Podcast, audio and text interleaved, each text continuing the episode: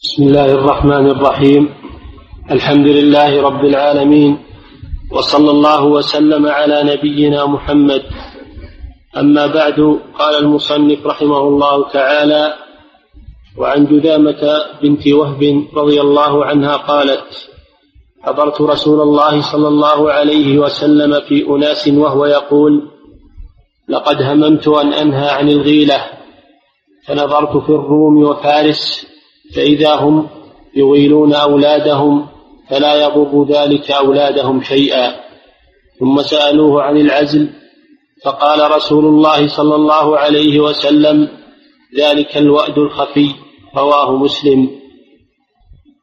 نعم. وعن أبي سعيد الخدري رضي الله عنه أن رجلا قال يا رسول الله إن لي جارية وأنا أعزل عنها وأنا أكره أن تحمل. وأنا أريد ما يريد الرجال وإن اليهود تحدث أن العزل الموؤودة الصغرى. قال كذبت اليهود لو أراد الله أن يخلق أن يخلقه ما استطعت أن تصرف. رواه أحمد وأبو داود واللفظ له والنسائي والطحاوي والنسائي والطحاوي ورجاله ثقات. وعن جابر قال كنا نعزل على عهد رسول الله صلى الله عليه وسلم والقرآن ينزل. ولو كان شيئا ينهى عنه لنهانا عنه القرآن. متفق عليه. ولمسلم فبلغ ذلك نبي الله صلى الله عليه وسلم فلم ينهنا عنه. بسم الله الرحمن الرحيم. الحمد لله رب العالمين صلى الله وسلم على نبينا محمد. وعلى آله وصحبه وبعد. هذه الأحاديث في مسألتين. المسألة الأولى الغيلة والمسألة الثانية العزل أما المسألة الأولى وهي الغيلة؟ فمعناها وطء الزوج لزوجته وهي ترضع وهي ترضع طفلا. فإن هذا قد يؤثر على الطفل. فقد يضره قد يضره ولذلك هم النبي صلى الله عليه وسلم بالنهي عنه دفعا للضرر عن الرضيع. ولكن لما رأى أن الأمم فارس والروم يفعلونه ولم يضر أولادهم لم ينهى عنه صلى الله عليه وسلم. لأنه تبين له صلى الله عليه وسلم أنه لا يضر فلم ينهى عنه عليه الصلاة والسلام. فدل هذا على جواز وطئ المرأة المرضعة أنه يجوز لزوجها أن يطأها وأنه لا محذور فيه. أما المسألة الثانية وهي العزل معناه أن يجامع زوجته ثم ينزل خارج الفرج جامعها فإذا حس بالإنزال فإنه يخرجه خارج الفرج لئلا تحمل لئلا تحمل المرأة. والأحاديث تدل على جوازه تدل على جوازه لأن النبي صلى الله عليه وسلم لم ينهى عنه. وأيضا كان الصحابة يفعلونه في المغازي وغيرها. والقرآن ينزل فلو كان فيه محذور لنهى الله عنه في القرآن ولنهى عنه النبي صلى الله عليه وسلم فلما لم يرد نهي عنه. بل إنه صلى الله عليه وسلم رد على اليهود لما قالوا إن إنه إنه إنه وأد والوأد هو الوأد في الجاهلية هو دفن البنات حيات كراهة لهن. يدفنون البنت يكرهون يكرهون البنات. فإذا ولد في أحدهم بنت إما أن يتركها تعيش ويكون كارها لها. وإما أن يقتلها بالدفن وهي حية تموت تحت التراب. كما قال جل وعلا وإذا الموءودة سئلت بأي ذنب قتلت. يسألهم الله عنها يوم القيامة. وفي الآية الأخرى يقول سبحانه وتعالى وإذا بشر أحدهم بالأنثى ظل وجهه مسودا وهو كظيم يتوارى من القوم من سوء ما بشر به. أيمسكه على هون؟ يعني يتركها حية ويهينها. أم يدسه في التراب يعني المولود البنت يدسها في التراب حتى تموت. هذا شر طفلة والعياذ بالله. ألا ساء ما يزرون. هذا هو الوقت في الجاهلية. اليهود تقول إن تقول إن إن العجل إنه وأد وهذا كذب لأن الوأد لشيء الإنسان موجود حي. إنسان موجود حي. قتل نفس حية أما الوأد ما ما صار شيء إلى الآن ما خلق ما خلق إنسان ولا صار شيء. ليس هو من الوأد فأكذبهم صلى الله عليه وسلم هذا دليل على جوازه أنه لا محذور فيه. هذا حاصل ما في حكم العزل أنه لا بأس به. وأن الله إن قدر إن قدر خلق شيء فإن لا لا أحد يستطيع منعه. وإن لم يقدر شيئا فلا أثر لي. فليس ذلك لسبب العزل وإنما هو لقدر الله سبحانه وتعالى. فالأمر راجع إلى الله عز وجل وليس هو بسبب العزل أو بسبب عدم العزل. الإنجاب راجع إلى الله سبحانه وتعالى. حتى لو جامع الإنسان وأنزل في الرحم إذا لم يقدره الله لم يكن شيء أنتم تخلقونه فرأيتم ما تمنون؟ أنتم تخلقونه أم نحن الخالقون؟ الله هو الذي يخلق ولا أحد يمنع خلقه سبحانه وتعالى. ولو كره الإنسان ولم يرد الإنجاب والله قد قدر لا بد أن يقع. فهذا فيه التوكل على الله سبحانه وتعالى. لكن يبقى الكلام في قضية في هذا العصر. وهي قضية تحديد النسل. تحديد النسل. هذه فكرة جاءت من الكفار يريدون بها تقليل عدد المسلمين. فأشاعوا بينهم الإرهاب بكثرة الأولاد وضيق الشح الموارد وقلة الأرزاق وعدم القدرة على تربيتهم. أشاعوا بين ضعاف الإيمان وضعاف العقول استحسان تحديد الأولاد تحديد النسل وهذا أمر لا يجوز.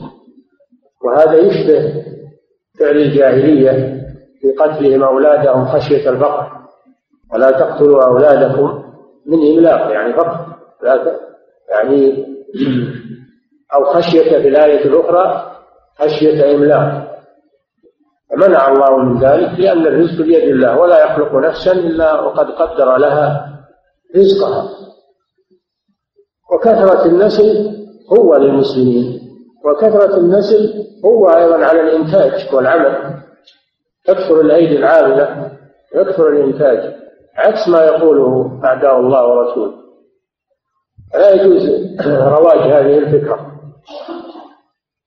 لا يجوز لا تصديقها ولا العمل بها لأنها تدل على سوء الظن بالله عز وجل وأنه يخلق خلقا ولا يوجد لهم أرزاقا.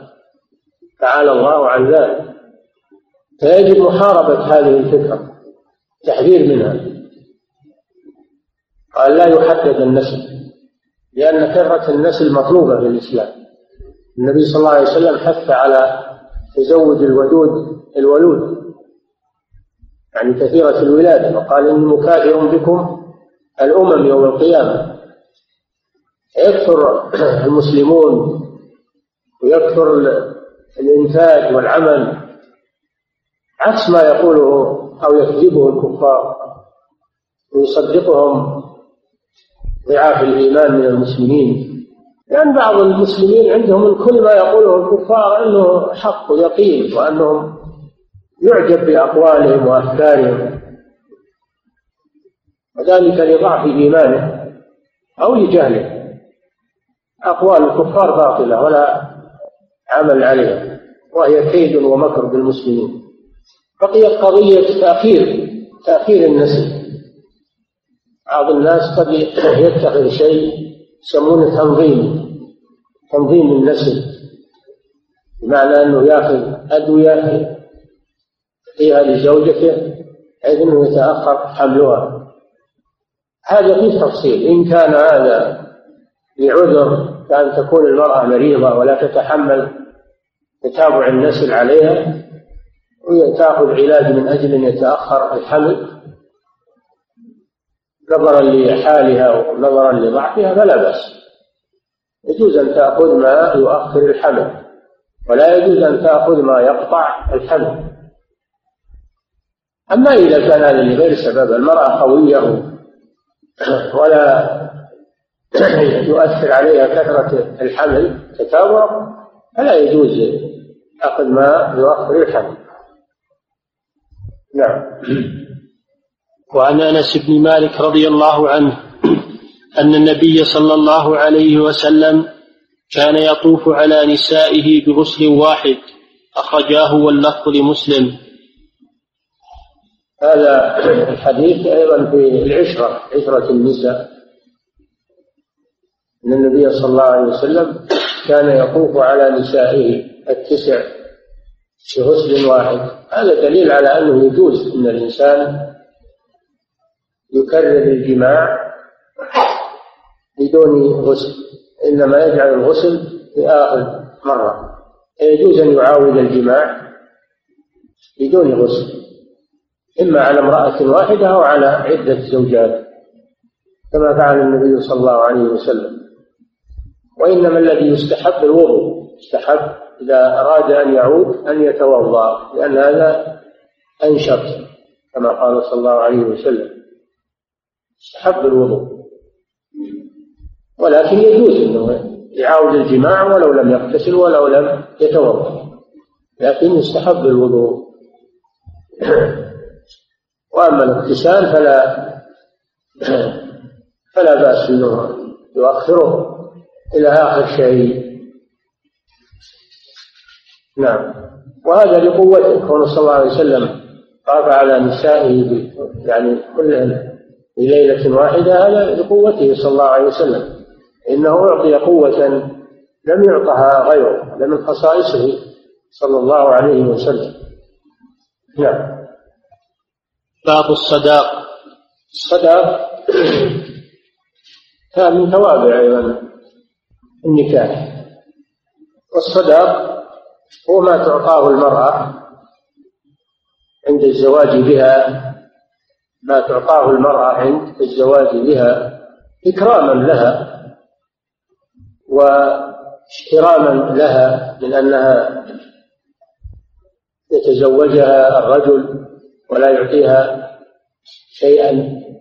فتشريع الصداق هو إكرام للمرأة واحترام لها وإدخال للسرور عليها. فالصداق هو ما تعطاه المرأة بسبب الزواج بها من زوجها سمي صداقا لأنه يدل على صدق المحبة وصدق الرغبة ويسمى أجرة.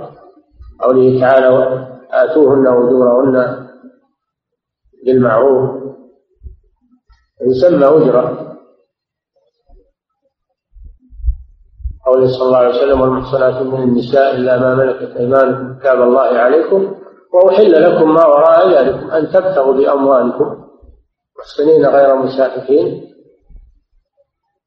فما استمتعتم به منهن فآتوهن أجورهن.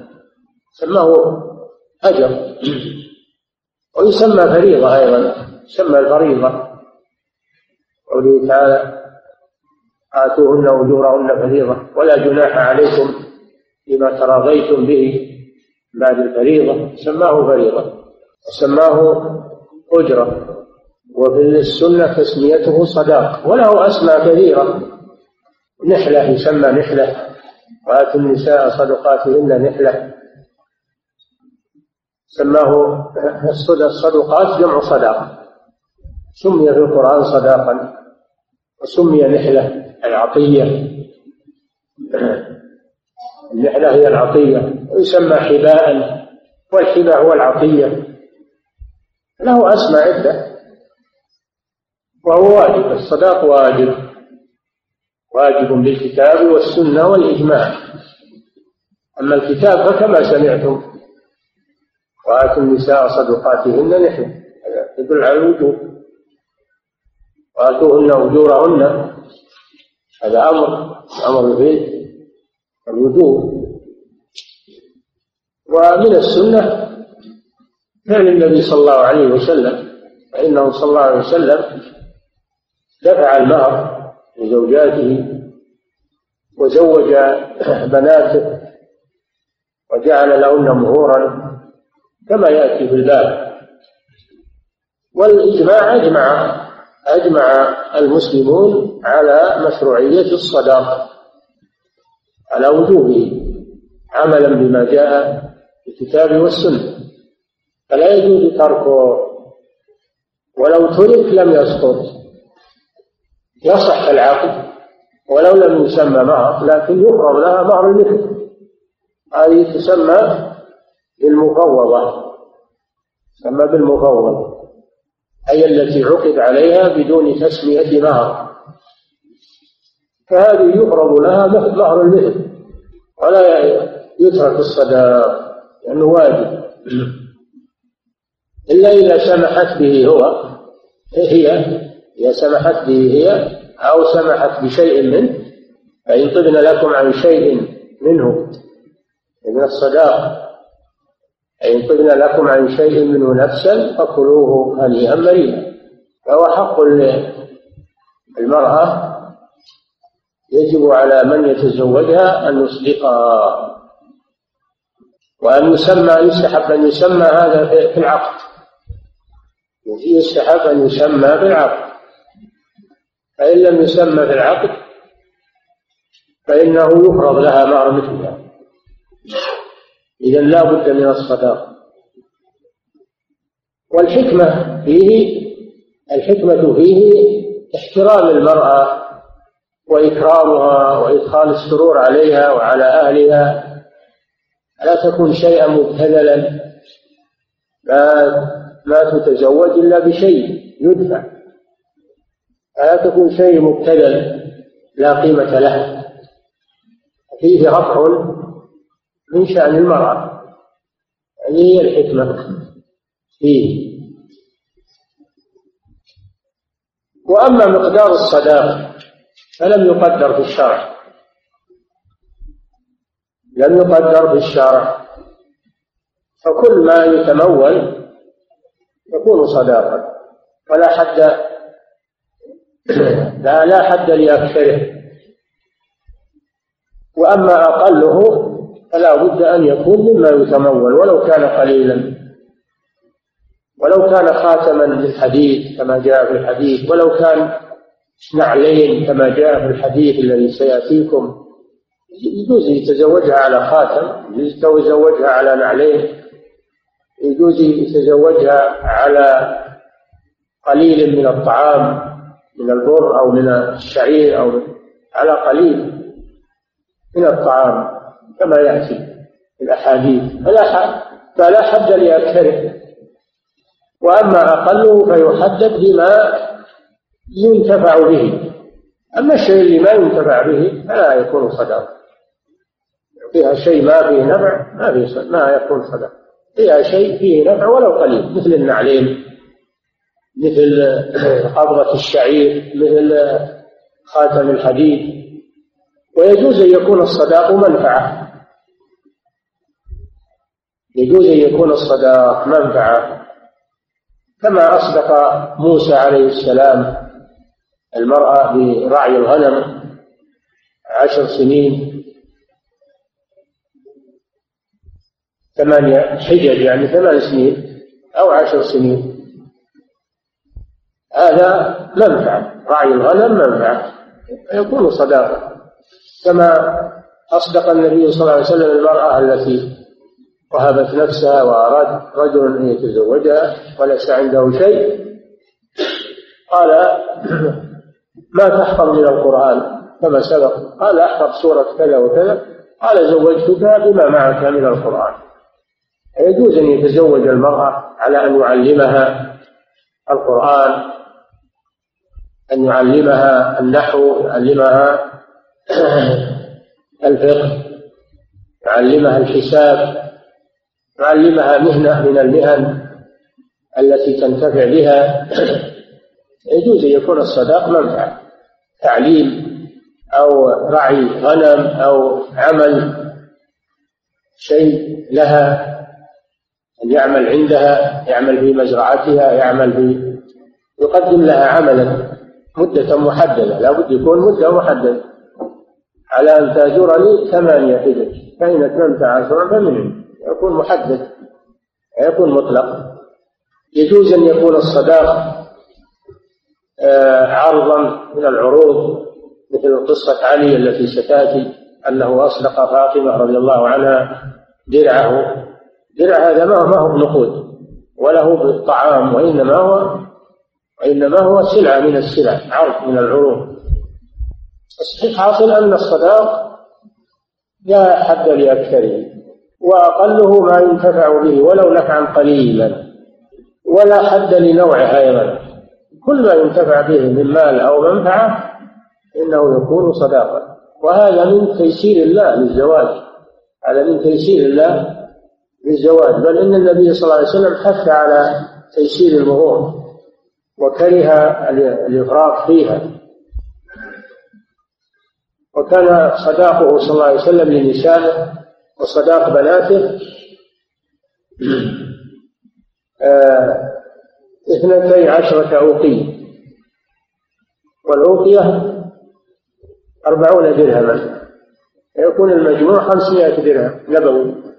صداق نسائه وصداق بناته خمسمائة درهم إسلامي. وهي تقابل تقريبا 140 ريال سعودي اليوم. 500 تقابل 140 ريال سعودي الآن. هذا صداق النبي صلى الله عليه وسلم. وهذا صداق بناته. وليس هذا من باب الحد والتحديد وإنما هو من باب الترغيب. وإلا فلا حد لأكثره قوله تعالى وإن أردتم استبدال زوج مكان زوج وآتيتم إحداهن قنطارا فلا تأخذوا منه شيء والقنطار كثير مال كثير. قيل هو ألف ومئتا أوقية؟ مئة و آه، ألف ومئتا أوقية من الذهب. هذا مبلغ كبير. فلا يتقدر الصداق ولكن يحث ويرغب في تقليله وتيسيره. ومن دفع مبلغا كثيرا وهو غني فلا مانع. إذا كان غني فلا مانع. أما إن كان فقيرا يحتاج إلى دين استدانة فهذا لا ما لا ينبغي له هذا.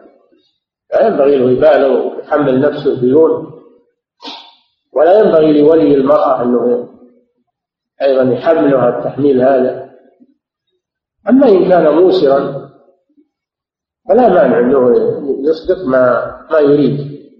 ولكن حتى ولو كان غنيا الأفضل أن يكون المهر ميسر لأنه هو يسن سنة للآخرين. إذا دفع مالا كثيرا وقال أنا غني فهذا يرفع المهور على الآخرين المعسرين والفقراء.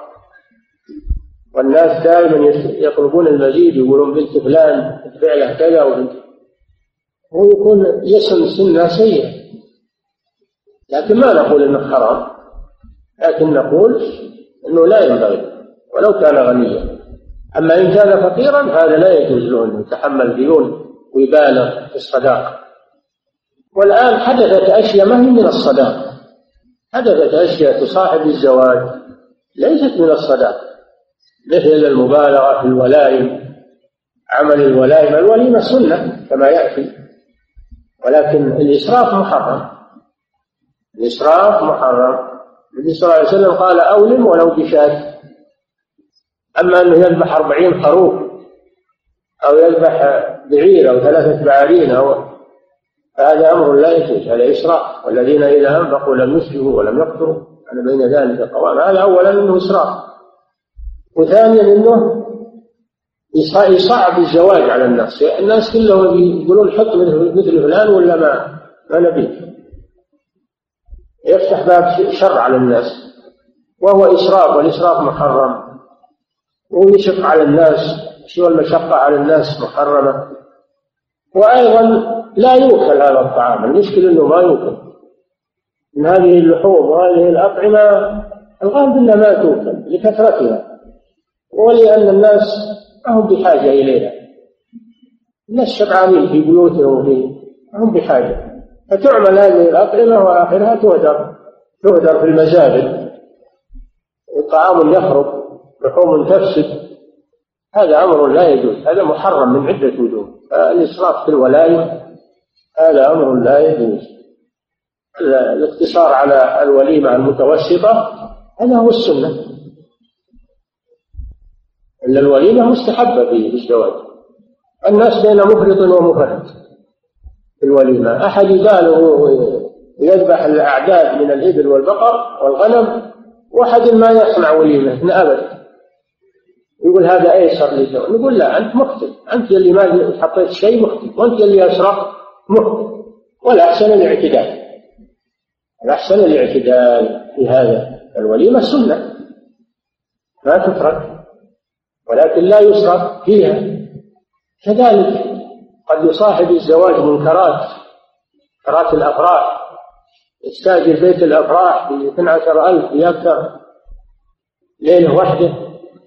ويحضر فيه منكرات ويستاجر مطربين يستاجر يضيعون الصلاة ويسهرون الليل على لهو ولعب ويحصل عند النساء إساءة أدب تعري وكشف ستر بتعرض للفتن. هذه منكرات يطهر الزواج منها. الزواج الزواج شريف والزواج عقد نزيه وشريف لا تعمل هذه المنكرات وهذا الإسراف وهذا التبذير ينسب هذا للزواج. الزواج بريء من هذا. فالواجب ترك هذه الأمور ولزوم الاعتدال. نعم ورد إنه يضرب الدف يضرب الدف إعلانا للنكاح. تضربه النساء فيما بينهن هذا لأجل إعلان النكاح وليس فيه محذور بين النساء. أما ما يعمل من اتخاذ المطربين والموسيقى وعمل مكبرات الصوت واستئجار المغنين والمغنيات فهذا يمنعه الشرع ومنكر حرام. كذلك الإسراف في الملابس ملابس المرأة وملابس النساء تشرى المثل بالمبالغ الطائلة. وتهدر بعد ذلك ولا تلبس. هذا كله من المنكر والمحرم. هذه أمور لا بأس في الزواج وهي ليست منه. الزواج بريء منها. وأيضا تسبب حرجا على الناس وعلى الفقراء الذين يريدون الزواج ولا عندهم سعة في المال. ولازم يعملون هذه الأشياء. هذا إرهاق. ولا يجوز هذا العمل. منكر هو منكر في نفسه وهو إحراج للآخرين وهو عرقلة للزواج. ولذلك كثر العوانس من النساء وكثر الرجال الذين لم يتزوجوا بسبب هذه التكاليف الباهظة آه هذه أمور يجب التحذير منها ويجب وليست هي من الصداق وليست هي من المال وليست هي من الزواج الشرعي. وإنما هي أمور أحدثها الناس تباهوا فيها. صعبت أمر الزواج. يجب الحذر من هذه الأمور. نعم. عن أنس رضي الله عنه عن النبي صلى الله عليه وسلم أنه أعتق صفية وجعل عتقها صداقها. متفق عليه. صفية بنت حيي بن أخطب من زعماء اليهود. من زعماء اليهود. ابوها زعيم من زعماء اليهود. ولما غزا النبي صلى الله عليه وسلم خيبر وهي موطن اليهود لما غزاها وفتحها الله على يديه سبى النساء نساء اليهود. وكان منهن صفية كان منهن صفية وكانت وكانت تحت رجل من اليهود قتل في هذه الوقعة زوجها قتل في غزوة خيبر. وسبيت مع النساء ووقعت في سهم في سهم رجل من الصحابة. في دحية في سهم دحية الكلبي رضي الله عنه. فأخذها النبي صلى الله عليه وسلم منه وعوضه غيرها لأنها امرأة شريفة وبنت سيد قومه النبي صلى الله عليه وسلم جبر في خاطرها لأنها عزيزة ذلت. النبي صلى الله عليه وسلم رؤوف رحيم. فجبر من خاطرها وأخذها صلى الله عليه وسلم وصارت من من نصيبه عليه الصلاة والسلام تشريفا لها وتكريما لها جبرا لما حصل عليها من فقد زوجها وفقد أبيها. أبوها قتل في غزوة بني قريظة في المدينة وزوجها قتل في خيبر وهي امرأة شريفة وقعت في الرفق. النبي صلى الله عليه وسلم أراد أن يكرمها وأن يجبر من خاطرها. وقعت في في نصيبه صلى الله عليه وسلم. ثم إنه اعتقها وجعل عتقها صداقها. اعتقها يعني حررها من الرفق. إكراما لها وجعل عتقها صداقها صارت من أمهات المؤمنين رضي الله عنها. والشاهد من الحديث أن النبي صلى الله عليه وسلم جعل العتق صداقا. فهذا دليل على أن المنفعة يجوز أن تكون صداقا لأن العتق منفعة من المنافع وليس مالا. هذا من أدلة أن المنفعة تكون صداقا. نعم. وعن أبي سلمة بن عبد الرحمن رضي الله عنه أنه قال سألت عائشة رضي الله عنها كم كان صداق رسول الله صلى الله عليه وسلم؟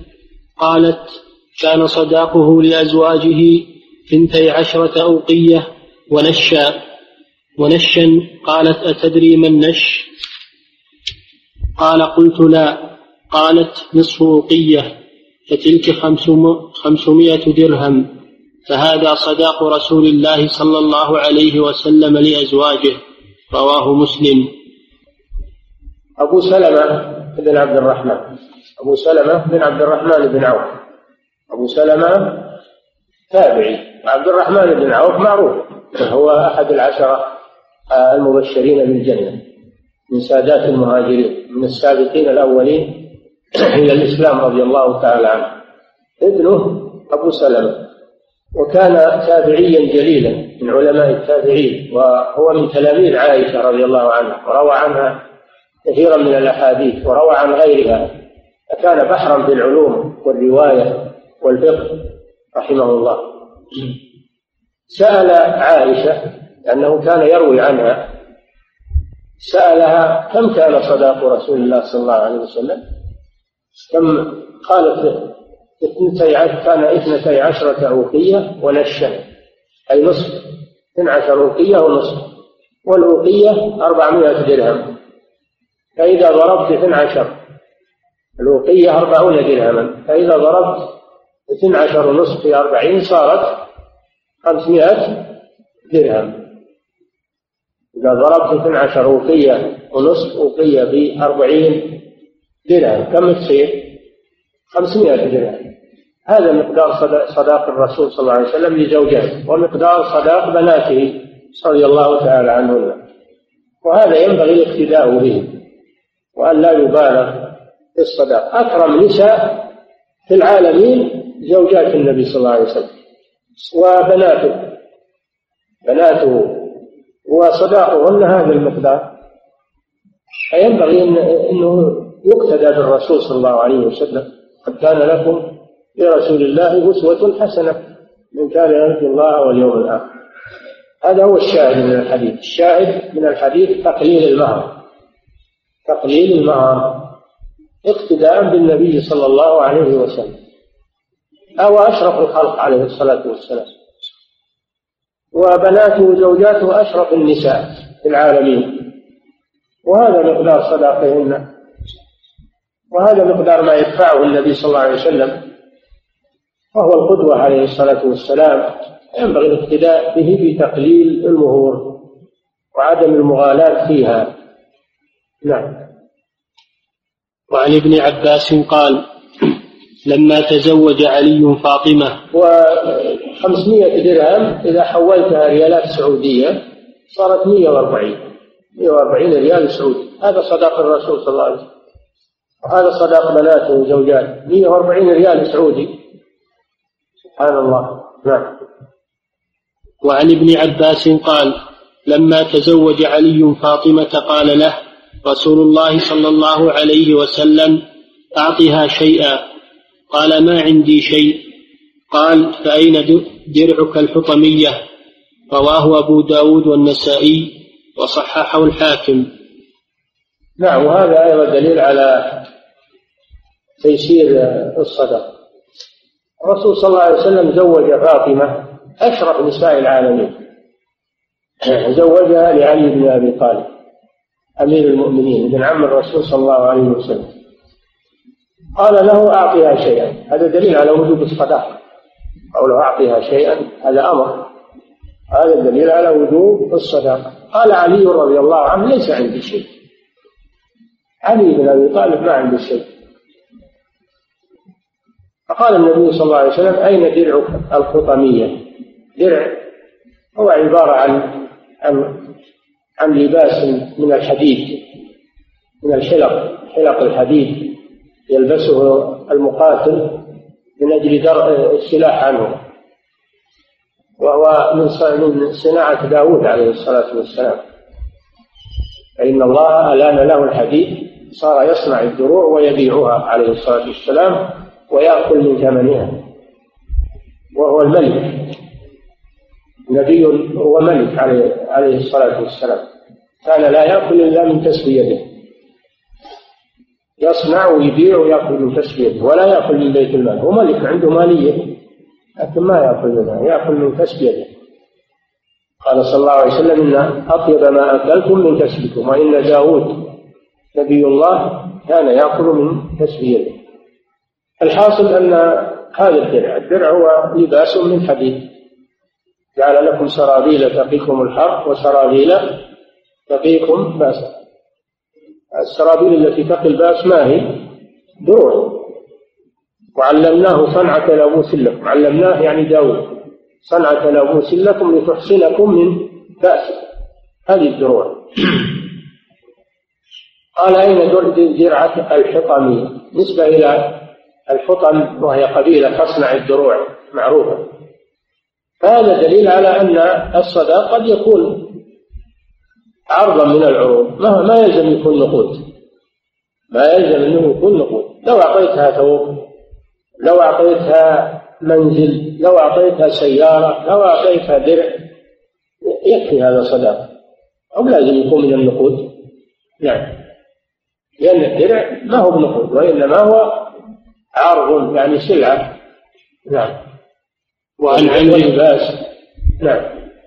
وعن عمرو بن شعيب عن أبيه عن جده رضي الله عنهما قال قال رسول الله صلى الله عليه وسلم أيما امرأة نكحت على على صداق أو حباء أو عدة قبل عصمة النكاح فهو لها وما كان بعد عصمة النكاح فهو لمن أعطيه. وأحق ما أكرم الرجل عليه ابنته وأخته. رواه أحمد والأربعة إلا ابنته حق. وأحق ما أكرم الرجل عليه ابنته أو أخته. أو أخته. أو أخته. رواه أحمد والأربعة إلا الترمذي وهذا الحديث فيه وضع ضابط للصداقة. ما هو الصداقة؟ ما أعطي للمرأة أو لوليها. ما أعطي للمرأة أو لوليها قبل العقد قبل عقد النكاح فإنه صداقة ما أعطي لها سواء المهر أو الهدايا. أعطاها شيء من الذهب أعطاها شيء من الثياب أعطاها أعطى وليها شيء من الهبات. هذا كله يتبع الصداق ما كان قبل العقد فهو من الصداق. وما كان بعد العقد فهو لمن وهب ليس صداقا. تزوجت فلانة وعقدت عليها وأعطيت أخاها أو أعطيت ابنها أو أعطيت شيئا يكون له للموهوب لأن هذا ما له علاقة بالعقد فهو لمن وهبته له. أعطيته الزوجة أعطيته قريبها أعطيته أحدا حولها يكون لمن وهبته له ولا علاقة له بالصداق. إذا ضابط الصداق هو ما يدفع بسبب النكاح قبل العقد من هدايا أو مهر أو عدة حتى إذا وعدت أنت بعطيك كذا وكذا. بعطيك سيارة بعطيك آه، فلة بعطيك كذا وكذا. وهذا قبل العقد يكون تابع للصداق ويكون للمرأة يكون للمرأة وليس لمن وهب له. ما أعطي أخوها أو عمها أو خالها قبل العقد فإنه يكون للمرأة وليس للموهوب له لأنه بسبب النكاح. وما أعطي بسبب النكاح فإنه يكون للمرأة. أما ما أعطي بعد العقد فإنه لا يدخل في الصدقة. يكون هبة من الهبات. يكون هبة من الهبات لمن أعطيته إياه وليس هو للمرأة. هذا هو ضابط الصداق. نعم. ودل الحديث أيضا على أن للأب خاصة أن يأخذ من من صداق ابنته. الأب له أن يأخذ من صداق ابنته ولو أخذه كله فهو حلال له. لقوله صلى الله عليه وسلم أنت ومالك لأبيك. لقوله صلى الله عليه وسلم إن أطيب ما أكلتم من كسبكم وإن أولادكم من كسبكم فيجوز للأب أن يأخذ من صداق ابنته ولو لم ترضى. ويجوز أن يأخذه كله لأنها بنته وهي تسبق ومالها له.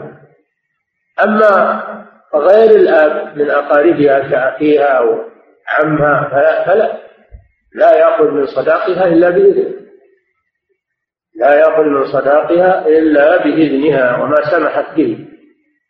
نعم. وعن علقمة وإن وإن خير وأحق ما أكرم الرجل عليه ابنته أو أخته. نعم ابنته أو فما ما أخذه الأب فإنه يكون يكون له من صداق المرأة. أو أخته إذا وهب له شيء بعد العقد. إذا وهب له شيء بعد العقد. بسبب الصهر. فلا هذا شيء طيب. وليس هو من الصداق ما كان بعد العقد فليس هو من الصداق نعم. وعن علقمة عن ابن مسعود أنه سئل عن رجل تزوج امرأة ولم يفرض لها صداقة ولم يدخل بها حتى مات. فقال ابن مسعود لها مثل صداق نسائها لا وكس ولا شطط وعليها العدة. وعليها العدة ولها الميراث.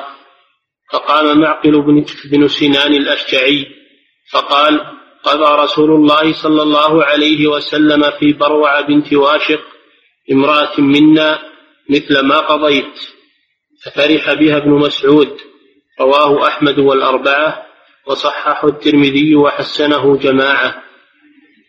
هذا علقمة علقمة النخعي. من تلاميذ ابن مسعود في الكوفة. لأن النخعيين الذين تتلمذوا على ابن مسعود هم علقمة والأسود الأسود النخعي وإبراهيم النخعي. هؤلاء من تلاميذ ابن مسعود. وعلقمة هذا من أجلهم. حضر قضية عرضت على ابن مسعود رضي الله عنه فقيه الصحابة. وكان بالكوفة بعثه عمر بعثه عمر بالكوفة معلما وقاضيا وبعث أبا موسى الأشعري أميرا عليها.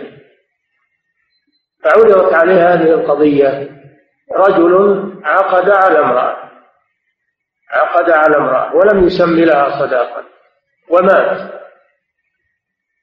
ولم يدخل بها مات قبل الدخول. فأفتى ابن مسعود رضي الله عنه بأنها يفرض لها صداق مثلها مهر مثلها. هذه تسمى المفوضة الذي عقد عليها بدون صداق الصداق ما يسقط لكن يقدر لها مهر مثلها. هذه هذه واحدة. المسألة الثانية عليها العدة عدة الوفاة. قوله تعالى والذين يتوفون منكم ويذرون أزواجا يتربصن بأنفسهن أربعة أشهر وعشرة. عملا بهذه الآية أفتاها بأن عليها العدة. لأنها متوفى عنها داخلة في عموم الآية. المسألة الثالثة قضى لها بالميراث. لأن الله جل وعلا جعل التوارث بين الزوجين. قال تعالى ولكم نصف ما ترك أزواجكم إن لم يكن لهن ولد. إن كان لهن ولد فلكم الربع مما تركنا. بعد وصية توصون بها أو دين ولهن الربع مما تركتم إن لم يكن لكم ولد. فإن كان لكم ولد فلهن الثمن مما تركتم من بعد وصية توصون بها أو دين.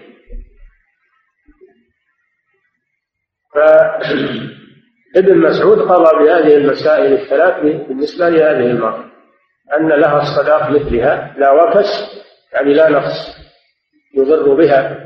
ولا شطط يعني على الزوج يعني كثر عليه الصداق وإنما مهر مثلها. هذا هو الاعتدال. هذا هو الاعتدال.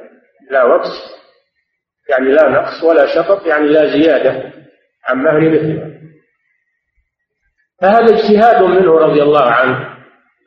فقام أحد الحاضرين وهو معقل ابن سنان الأشبعي فقال قضى رسول الله صلى الله عليه وسلم في بروع بنت واشق امرأة منا بمثل ما قضيت. فوافق اجتهاده صلى الله عليه وسلم آه، حديث الرسول صلى الله عليه وسلم. ففرح رضي الله عنه بذلك. هذا فيه إن الإنسان يفرح إذا وافق الدليل. إذا وافق الدليل يفرح لأن هذا فضل الله سبحانه وتعالى. هذا صواب حق. ففرح ابن مسعود رضي الله عنه. هذا من الفرح بالعلم فرح بالفقه بدين الله. الشاهد منه الشاهد منه هنا في هذا الباب أنه يجوز عقد النكاح ولو لم يسمى الصداق. أنه يجوز عقد النكاح ولو لم يسمى الصداق. وهذه تسمى بالمفوضة عند الفقهاء.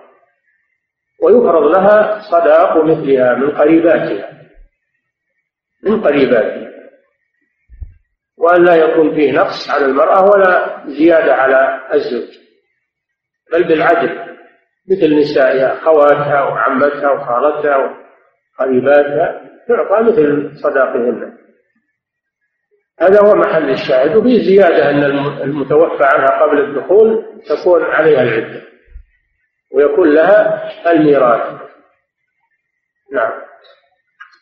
وعن جابر بن عبد الله إن المجتهد إذا وافق الدليل هذا فضل من الله سبحانه وتعالى يفرح به. نعم. وأما لو خالف الدليل فيجب عليه الرجوع عن الخطأ. نعم.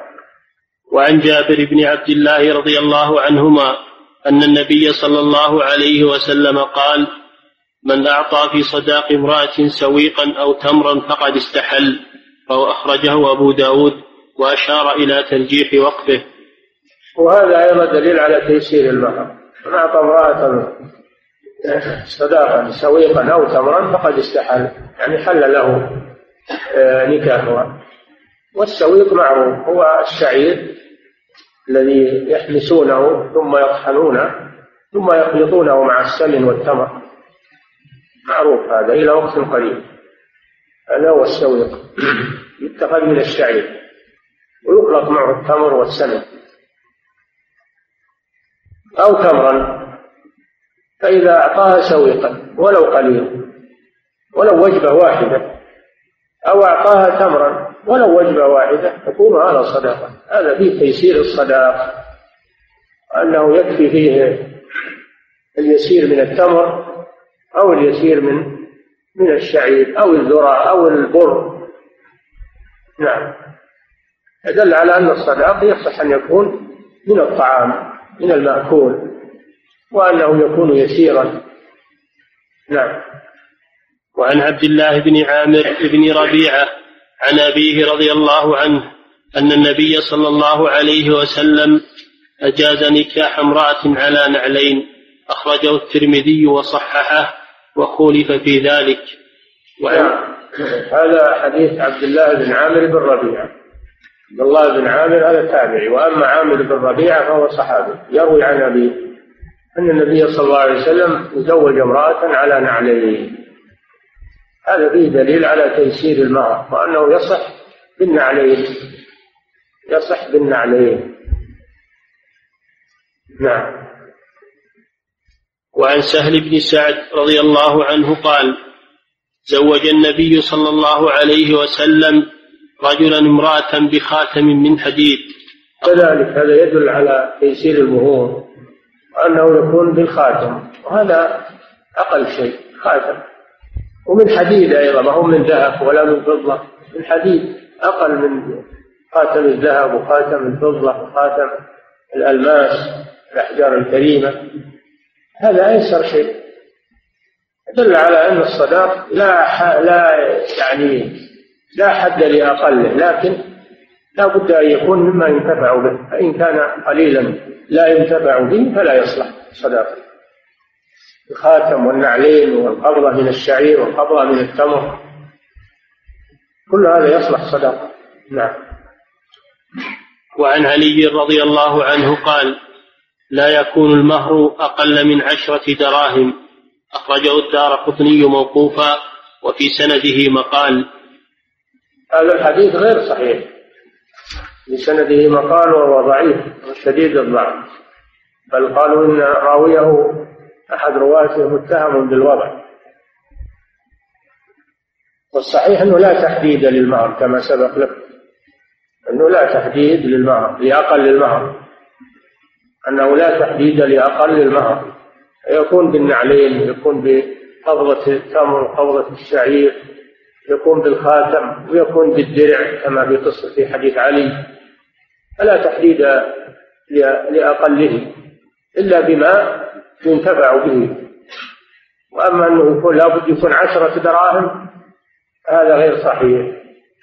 هذا يخالف الأحاديث الصحيحة فلا عمل عليه. نعم. وعن عقبة بن عامر رضي الله عنه قال قال رسول الله صلى الله عليه وسلم خير الصداق أيسره. أخرجه أبو داود وصححه الحاكم. هذا حديث عام. خير الصداق أيسره. الأحاديث التي مرت فيها وقائع كما كما عرفتم وعقد فيها النكاح على أشياء يسيرة. نعلين قبضة شعير قبضة تمر خاتم من حديد درع درع القتال. كل هذه تكون أنواع هذا الحديث فيه عموم. أن أيسر أن نعم. أن المهر كل ما صار ميسورا وقليلا فهو أعظم بركة. أعظم بركة. وبمفهومه أن ما تعسر وصار كثير أن بركته تكون قليلة. أن بركته تكون قليلة. نعم. أعيد الحديث. وعن عقبة بن عامر رضي الله عنه قال قال رسول الله صلى الله عليه وسلم خير الصداق أيسره. خير الصداق أيسره أي ما لم يكلف الزوج وما جاء عن يسر ولا فيه آه، تكليف للزوج تحميل له ما لا يطيق ما تيسر. والدين يسر كل الدين يسر ولله الحمد. لا حرج. وما جعل عليكم في الدين من حرج. وكل ما كان الصداق أيسر كان أعظم بركة. وكل ما كان الصداق أعسر كان أقل بركة. نعم. وعن عائشة رضي الله عنها أن عمرة بنت, بنت الجون تعوذت من رسول الله صلى الله عليه وسلم حين أدخلت عليه تعني لما تزوجها فقال لقد عذت بمعاذ فطلقها وأمر أسامة فمتعها بثلاثة أثواب أخرجه ابن ماجه وفي إسناده راو متروك وأصل القصة في الصحيح من حديث أبي أسيد الساعدي أبي أسيد الساعدي. نعم هذا الحديث أيضا في موضوع المتعة موضوع المتعة المطلقة. هذا ما هو في الصداقة هذا في موضوع تمتيع المطلقة وذلك أن النبي صلى الله عليه وسلم تزوج عمرة الجونية وكانت امرأة جميلة من أجمل النساء فحسدتها النساء وخدعنها فقلنا لها إذا دخل عليك رسول الله صلى الله عليه وسلم فقولي أعوذ بالله منك فإنه إذا قلت هذا يحبك. يحبك وتحظين عنده. المسكينة صدقت هذا فلما دخل عليها صلى الله عليه وسلم قالت أعوذ بالله منك. قال صلى الله عليه وسلم لقد عوذت بمعاذ. وهو الله جل وعلا. وفي الحديث من استعاذكم بالله فأعيدوه فالنبي صلى الله عليه وسلم كان يخاف من الله ويعظم الله جل وعلا. فلما استعاذت بالله منه أعادها. ولم يجر على على البقاء معها وهي تستعيذ بالله عز وجل. النبي صلى الله عليه وسلم ذو خلق كريم وأيضا هو يجل الله ويعظمه. فلا امرأة تستجير بالله وهو ما يجيرها هذا لا يناسب الرسول صلى الله عليه وسلم. فلذلك طلقها عليه الصلاة والسلام. طلقها وأمر أسامة بن زيد مولاه وحبه وابن حبه أمره أن يمتعها. ففي دليل على أن المطلقة تمتع نعم.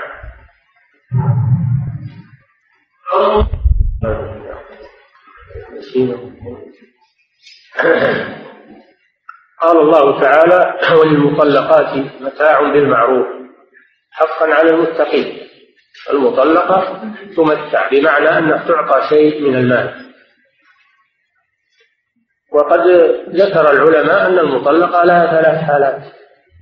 الحالة الأولى أن تطلق قبل الدخول ولم يفرض لها مهر تطلق قبل الدخول ولم يفرض لها مهر فهذه تمتع وجوبا يجب أن أن تمتع بأن تعطى شيئا من المال يطيب خاطرها. لا جناح عليكم إن طلقتم النساء ما لم تمسوهن أو تفرضوا لهن فريضة ومتعوهن. على الموسع قدره وعلى المبطل قدره. فإذا طلقت قبل الدخول ولم يفرض لها مهر فإن الزوج يمتعها بما تيسر من المال. هذا وجوب يجب هذا. الحالة الثانية إذا طلقت قبل الدخول ولها صداقة قد سمى لها صداقة فإن لها نصف يكون متعة تكون نصف الصداق متعة له. قال تعالى وإن طلقتموهن من قبل أن تمسوهن وقد فرضتم لهن فريضة فنصف ما فرضتم. إذا طلقت قبل الدخول وسمي لها مهر فلها نصفه.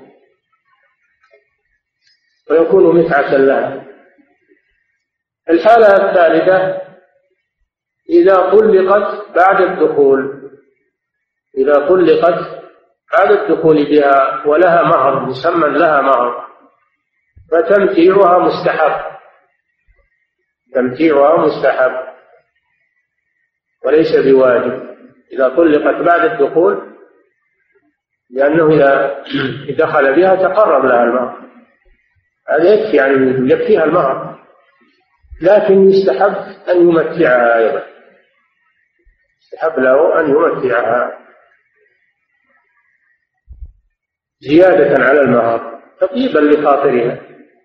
وليس هذا بواجب. نعم. إذا ثلاث حالات. تمتيع ثلاث حالات. نعم. باب تعالى يا أيها الذين آمنوا إذا نكحتم المؤمنات ثم طلقتموهن من قبل أن تمسوهن فما لكم عليهن من عدة تعتدونها فمتعوهن متعوهن. وقال تعالى وللمطلقات متاع بالمعروف حقا على المتقين. نعم. باب الوليمة. نعم. فضيلة الشيخ كيف الجمع بين قول النبي صلى الله عليه وسلم عن العزل ذلك الوأد الخفي وقوله في تكذيب اليهود إن العزل هو الموؤودة الصغرى. جمع أنه تبين له صلى الله عليه وسلم أنه لا شيء في في العزل لا شيء في العزل نعم. كان هذا آخر الأمرين كان في الأول يكرهه ثم في الأخير تبين له أنه لا حرج فيه. نعم.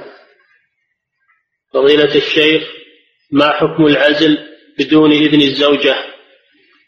العزل جائز ولكن الفقهاء يقولون إن كان العزل عن حرة فهو يستأذنها لأن لها حقا في الإنجاب وإن كان العزل عن أمة يعني سرية لا يحتاج أن يستأذنها نعم. فضيلة ظاهر الحديث الذي سمعتم ظاهره أنه أنه لا بأس به من الحرة ومن الأمة. نعم. وإذا استمر الزوج في العزل فهل لها الفسخ؟ إذا كانت تريد الإنجاب وداوم على العزل لها أن تطلب الفسخ تطلب الطلاق ما هو بالفسخ تطلب الطلاق. أو أن تفتدي منه بالخلع لأنها تحتاج إلى الذرية. نعم. فضيلة الشيخ ذكرتم أن الصداق يصح أن يكون منفعة لقصة موسى عليه السلام ولكن المنفعة لم تكن للزوجة وإنما لأبي الزوجة فهل يجوز ذلك؟ نعم أبو الزوجة له أن يأخذ صداق ابنته كما علم أبو الزوجة له أنه يأخذ صداق ابنته. وأيضا هذا كان فيه مصلحة للزوجة التي تزوجها موسى لأنها كانت هي التي ترعى الغنم وكانت هي اللي تورد الغنم مع أختها. فلها مصلحة في هذا. جاء موسى وقام برعاية الغنم وسقيها فاستراحت. فلها منفعة في هذا. نعم. فضيلة الشيخ هل يجوز العزل لتأخير النسل بسبب عدم القدرة المادية؟ إذا كان لأجل إذا كان لغرض صحيح فلا بأس. إذا كان العزل لغرض صحيح فلا بأس. أما إن كان لكراهة الذرية هذا لا يجوز. كان لغرض صحيح فلا بأس به. كما كان الصحابة يفعلون في الجهاد وفي غيره أما إذا كان أنه وكذلك يفعلون مع الإمام لأنهم يكرهون أن يكون أولادهم للإمام إذا كان لغرض صحيح فلا بأس. أما إذا كان لغرض الفرار من الذرية والفرار من الإنجاب فهذا لا يجوز. نعم. فضيلة الشيخ ما رأيكم ما رأيكم فيما تفعله بعض القبائل في تحديد المهور بين أفراد القبيلة؟ نعم. ما رأيكم فيما تفعله بعض القبائل في تحديد المهور بين أفراد القبيلة؟ إذا اصطلح القبيلة كلها على هذا فلا بأس. إذا اصطلحوا كلهم ويراعون في هذا مصالح القبيلة يراعون مصالح القبيلة ويريدون بهذا منع المغالاة في المهور هذا لا بأس به. أفتى علماؤنا به لأن هذا أمر لا بأس به ويقرون عليه. أنه ما فيه مضرة على النساء وفيه دفع للضرر عن عن الأزواج فيه اعتدال. إذا اتفقوا كلهم فلا أحد يتدخل في شؤونه ويمنعهم من هذا. نعم. فضيلة الشيخ. وقد هم عمر رضي الله عنه. عمر هم أن أن يحدد المهور وأن يأخذ الزايد يدخل بيت المال. لكنه لا ما نفذ هذا لأنه لأنه تلي عليه قوله تعالى وآتيتم إحداهن قنطارا فلا تأخذوا منه شيئا. فتراجع عن هذا. نعم.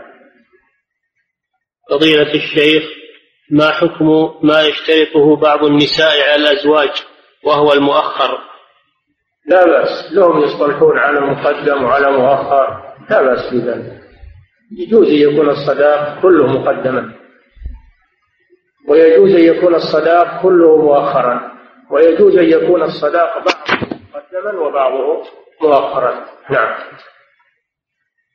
فضيلة الشيخ رجل أعطى زوجته بعد الصداق ذهبا ثم مات هذا الرجل فلمن يكون هذا الذهب للورثة أم للزوجة؟ إذا أعطاه إياه قبضته صار لها. الهبة إذا قبضت تملك تملك ولا العائد في هبته كالكلب. يعود في قيد فإذا قبضت الهبة قبل موته صارت لها ولا يجوز للورثة أن يأخذوها منه. نعم. فضيلة الشيخ كم عدة الزوجة التي مات عنها زوجها ولم يدخل بها؟ عدتها مثل غيرها مثل المطلقة مثل المطلقة مثل المفارقة في الحياة أربعة أشهر وعشرة أيام. نعم. فضيلة الشيخ ورد عن علي رضي الله عنه أنه رد أنه أنه رد كلام معقل بن سنان في المفوضة. فلماذا؟ نعم. ورد عن علي رضي الله عنه أنه رد كلام معقل بن سنان في المفوضة. هذا اجتهاد من علي رضي الله عنه. ما دام معقل بن سنان يروي عن الرسول صلى الله عليه وسلم فإن المروي عن الرسول يقدم على اجتهاد المجتهد. نعم. فضيلة الشيخ من خلال معرفتكم بأحوال العصر وأهل زماننا اليوم فكم تقدرون المناسب من المهر؟ لا يقدر المناسب من المهر. هذا ما يقدر ولكن يرغب الناس التيسير ويحذرون من المغالاة ويبين لهم أضرار المغالاة.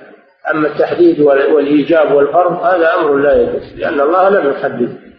المهر ولا الرسول صلى الله عليه وسلم حدد المهر إنما يرغبون الناس في تقليل المرور وتيسيرها وينهون عن المغالاة فيها. نعم. فضيلة الشيخ قد يقول قائل إن خمسمائة درهم في ذلك الوقت مال كثير فهل هذا صحيح؟ قد يكون هذا نعم. قد يكون أنه في ذاك الوقت مال كثير. لكن مع هذا هو يعني عندهم أموال في ذاك الوقت. عندهم أموال. يقدرون يدفعون أكثر من من 500 درهم. ف ولو كان في ذاك الوقت ال 500 درهم كثيرة فإن فإنها تدل على الاعتدال في المهر وأنه لا. لأن عندهم أموال في ذاك الوقت. نعم. فضيلة الشيخ بعض الناس يتساهل فيزوج ابنته بريال واحد مما يجعل الزوج يستحقر زوجته. هذا يراعى فيه المثل يراعى فيه المثل لها مثل مهر نسائها قريباتها لا يظلمها. يقول لا وكس ولا شطط الوكس هو النقص من حق الزوجة والشطط هو الزيادة على الزوج. يراعى الاعتدال لها مهر مثلها. ولا ينبغي أن يزوج بنته بريال والناس يزوجون بناتهم بخمسين ألف يراعي الاعتدال. نعم لا يأخذ مبلغ كبير ولكن يعتدل يأخذ مبلغ متوسط. لا يظلم ابنته. نعم. فضيلة الشيخ ما حكم إقامة حفل إقامة حفل الزواج وحضور منشدات ينشدن على الدفوف بدون رفع الصوت وظهوره عند الرجال؟ يجوز لل... بل يستحب للنساء ضرب الدف والغنى بما ليس فيه منكر. الغنى بين النساء بأصواتهن المجردة ما هو ميكروفون أو مكبر صوت أو يكون فيه تسجيلات. كل هذا حرام ولا يجوز. صوت مجرد في غناء ما فيه تقريب ولا فيه مجون كما كان نساء الصحابة يفعلن في عهد النبي صلى الله عليه وسلم. يقولن أتيناكم أتيناكم فحيانا وحياكم. هذا الشيء ما فيه يعني محذور ولا فيه. وبين النساء بأصواتهن المجردة اللي ما فيها مكبرات ولا فيها تسجيل ولا فيها تطريب مثل ما يعمل المطرب المطربون والمطربات اليوم. هذا منكر ولا يجوز. نعم. فضيلة الشيخ بماذا نرد على الذين يقولون يجب التقليل من الأولاد ليس من أجل الرزق؟ لأن الرزق تكفل الله به ولكن من أجل صعوبة التربية في هذا الوقت. لا ما يصلح هذا. التربية يعين الله يعين الله الوالدين ويربون أولادهم. وأيضا إذا حددوا بأولاد عدد معين قد يموتون. العدد هذا قد يموتون. يبقون بدون ذرية. ما الذي يدريك إن, هذا العدد اللي حددته سيبقى؟ وأيضا لو بقي ما اللي يدريك أنه سيصلح؟ يكونوا صالحين.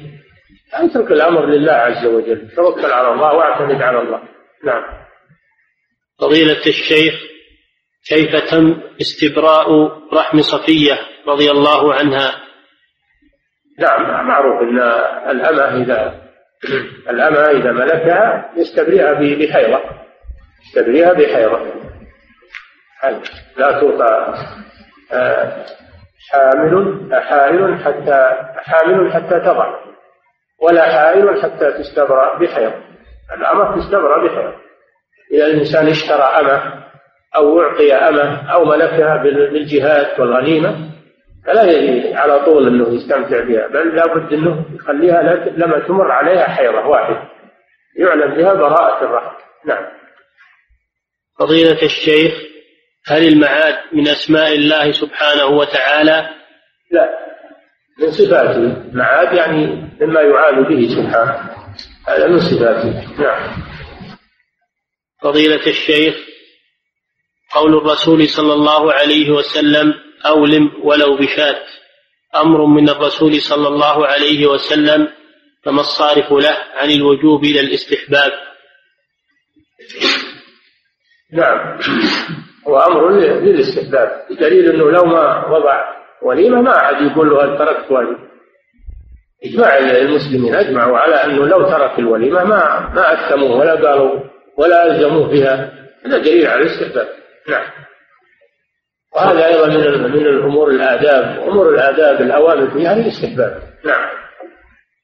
فضيلة الشيخ ما حكم من صلى الفريضة في مكان يوجد في قبلته صور؟ نعم. ما حكم من صلى الفريضة في مكان يوجد في قبلته صور؟ ما يستقبل الصورة يكره أن يستقبل الصورة. أما إذا كانت الصورة ممتهنة بالفراش أو تحت أقدامه إنها لا, لا حكم لها ممتهنة أما إذا كانت معلقة بالجدار وهي أمامه يكره أنه يصلي أمامه لأن هذا فيه تشبه بعباد الأصنام. نعم. بل إن ابن القيم رحمه الله يقول تكره الصلاة في المكان اللي فيه صور ولو كانت ما هي في قبلة المصلي. تكره الصلاة في مكان فيه صور معلقة ولو كانت ما هي في قبلة المصلي. لأن الرسول صلى الله عليه وسلم امتنع من دخول الحجرة التي فيها تصاوير في الستر الذي على آه على الجدار.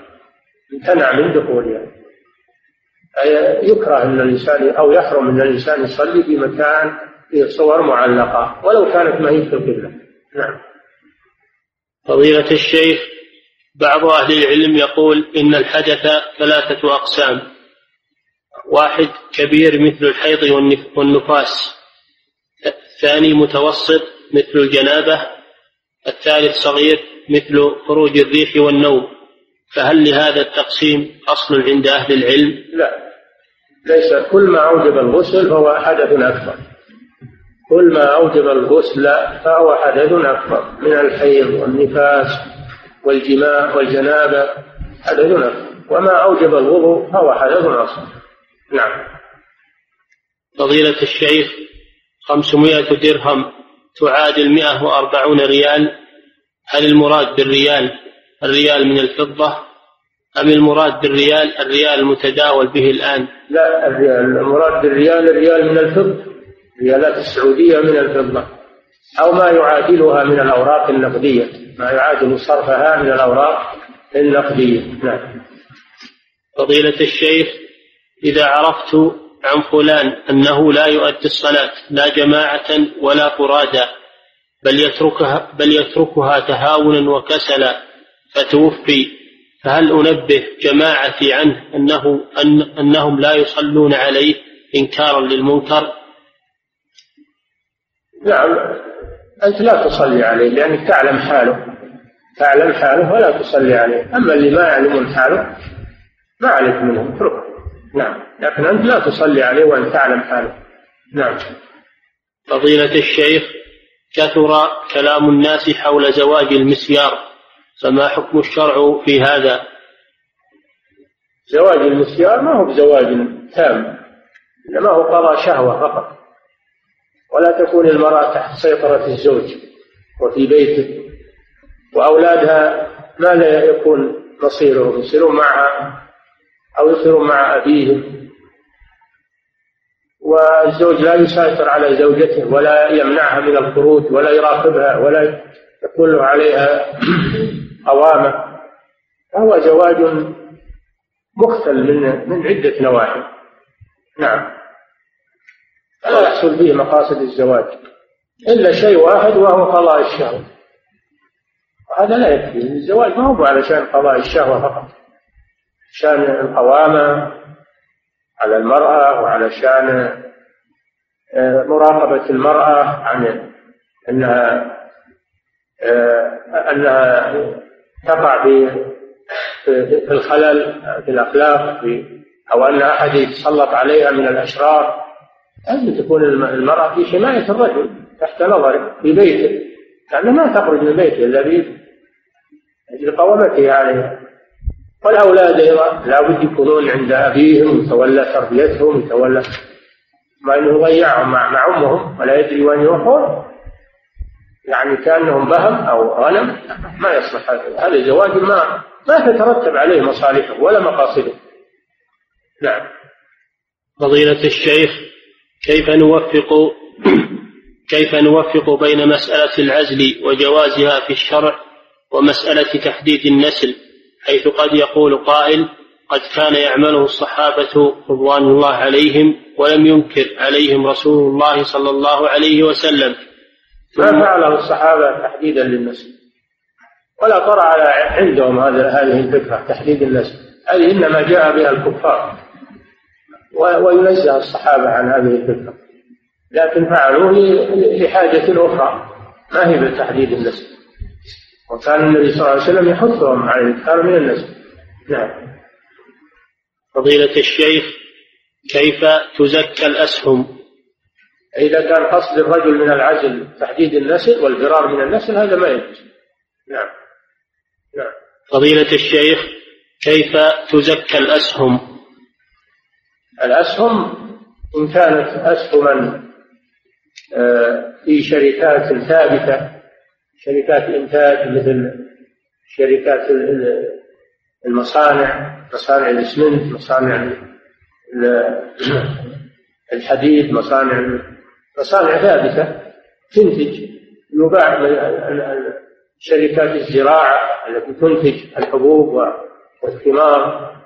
فهذه يزكي ما خرج منها ما خرج منها من نصيبه يزكي أما الأصل هو ما عليه زكاة لأنه للاستغلال لكن يزكي ما حصل له منها.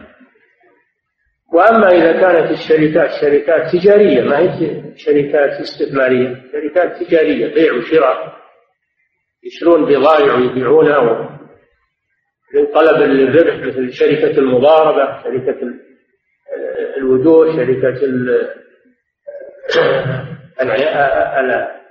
العنان الشركة المعروفة تجارية. هذه يزكي المال رأس المال ويزكي الربح. يزكي رأس المال ويزكي الربح.